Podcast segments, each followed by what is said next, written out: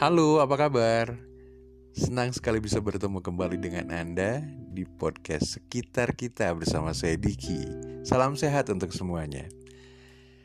Hari ini episode yang keempat uh, mencoba membicarakan. Saya sudah siapkan uh, disrupsi sih sebenarnya. Tadinya uh, karena di podcast sekitar kita itu ada political view, ada life enlightenment ya terus kita belum menyentuh political view sama ada disrupsi sih yang sudah saya siapkan tapi nanti coba kita uh, gali bersama.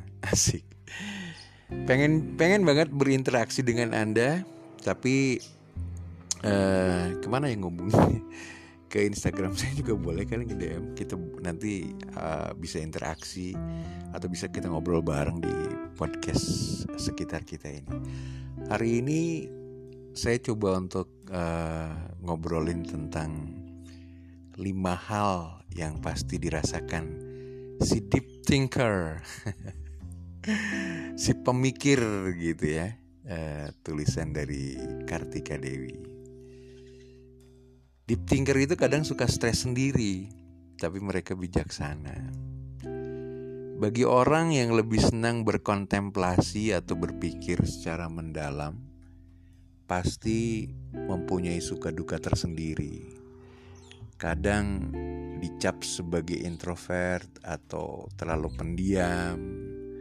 Sudah jadi hal yang gak aneh lagi bagi Anda yang senang menyelami pikiran Anda sendiri. Um, ya ada lah, ada ada sisi positif dan negatif gitu. Ada lima hal yang pasti uh, yakin banget ya sering kita rasain atau anda rasakan uh, kalau anda adalah seorang deep thinker gitu. Yang pertama adalah sensitif. Orang dengan kecenderungan mempunyai pemikiran yang dalam cenderung lebih sensitif. Kenapa senyum-senyum? Pasti ngerasain ya. Mereka suka memikirkan hal-hal yang sebetulnya tidak orang lain permasalahkan seperti bagaimana penampilan mereka di depan orang banyak, atau bagaimana mereka harus bereaksi terhadap sesuatu. Oleh karena itu, deep thinker cenderung lebih sedikit berbicara dan lebih asik dengan pemikirannya sendiri. There you are. Kemudian yang kedua adalah butuh lebih banyak waktu untuk mengambil keputusan. Banyaknya pertimbangan serta kemungkinan yang bisa terjadi membuat uh, si deep thinker ini cenderung membutuhkan waktu lebih banyak untuk mengambil sebuah keputusan. Bukannya loadingnya lama, bukan.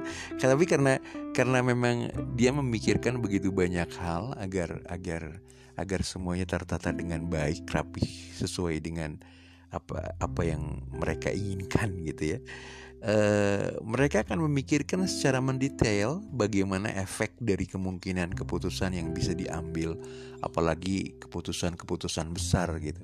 Keputusan kecil pun atau keputusan simpel pun mereka akan segera memikirkan ya gitu. Jadi ada pola apa ya? Ada pola preventif yang uh, yang sangat dia pikirkan agar uh, risknya tidak terlalu besar gitu kali ya. um, Kemudian yang ketiga bisa melihat gambaran permasalahan secara lebih luas. Wah agak-agak agak-agak superstitious mungkin, bukan? Karena mereka lebih senang untuk memikirkan segala hal. Ini juga membuat si deep thinker ini mempunyai pandangan yang cukup luas dalam satu hal. Mereka bisa melihat suatu masalah dalam sebuah gambaran besar, ada big picture serta beraneka perspektif untuk meninjaunya gitu dia selalu probing uh, dalam melakukan sesuatu ada tahapan-tahapan pre-production, production dan post production gitu kali ya. Karena karena ya itu tadi lebih detail detail itu tadi si deep thinker ini akan mencoba untuk menggali gitu probing dulu biar nggak salah gitu. Bagus juga. ya tadi kan ada sisi positif dan negatifnya. Kemudian yang berikutnya yang keempat mempunyai refleksi diri yang cukup baik. Sering melakukan introspeksi diri bagi deep thinker melihat refleksi diri mereka merupakan hal yang tak bisa luput. Tidak hanya memikirkan penampilan luar, Mereka juga senang memikirkan hal-hal yang membuatnya happy atau bagaimana seharusnya mereka menjalani kehidupan serta menjadi pribadi yang lebih baik. That's a good one. Yang terakhir, selalu memikirkan rencana dengan matang. Tidak hanya membutuhkan waktu lebih banyak untuk mengambil keputusan, mereka juga cenderung memikirkan secara matang mengenai rencana-rencana yang mereka kerjakan. Baik dengan membuat garis besar sebuah perencanaan hingga membuat daftar ke hal-hal terkecil yang merupakan hal yang tidak bisa lepas dari si deep thinker atau si pemikir ini. Aduh, ya mungkin itu adalah Anda, gambaran Anda tentang seorang deep thinker, si pemikir. Seseorang ada catatan kecil tentang deep thinker ini. Seseorang berkepribadian deep thinker atau pemikir biasanya tidak mudah untuk jatuh cinta. Bener gak sih? Kadang standar cintanya cukup rumit. Misalnya harus ada kenyamanan, kesepahaman, kecocokan, dan sebagainya. Tapi lumrah itu ya.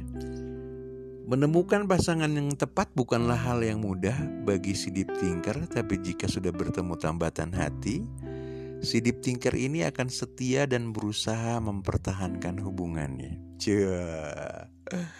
Semoga begitu. Semoga bermanfaat untuk kita semuanya. Saya Diki untuk podcast sekitar kita.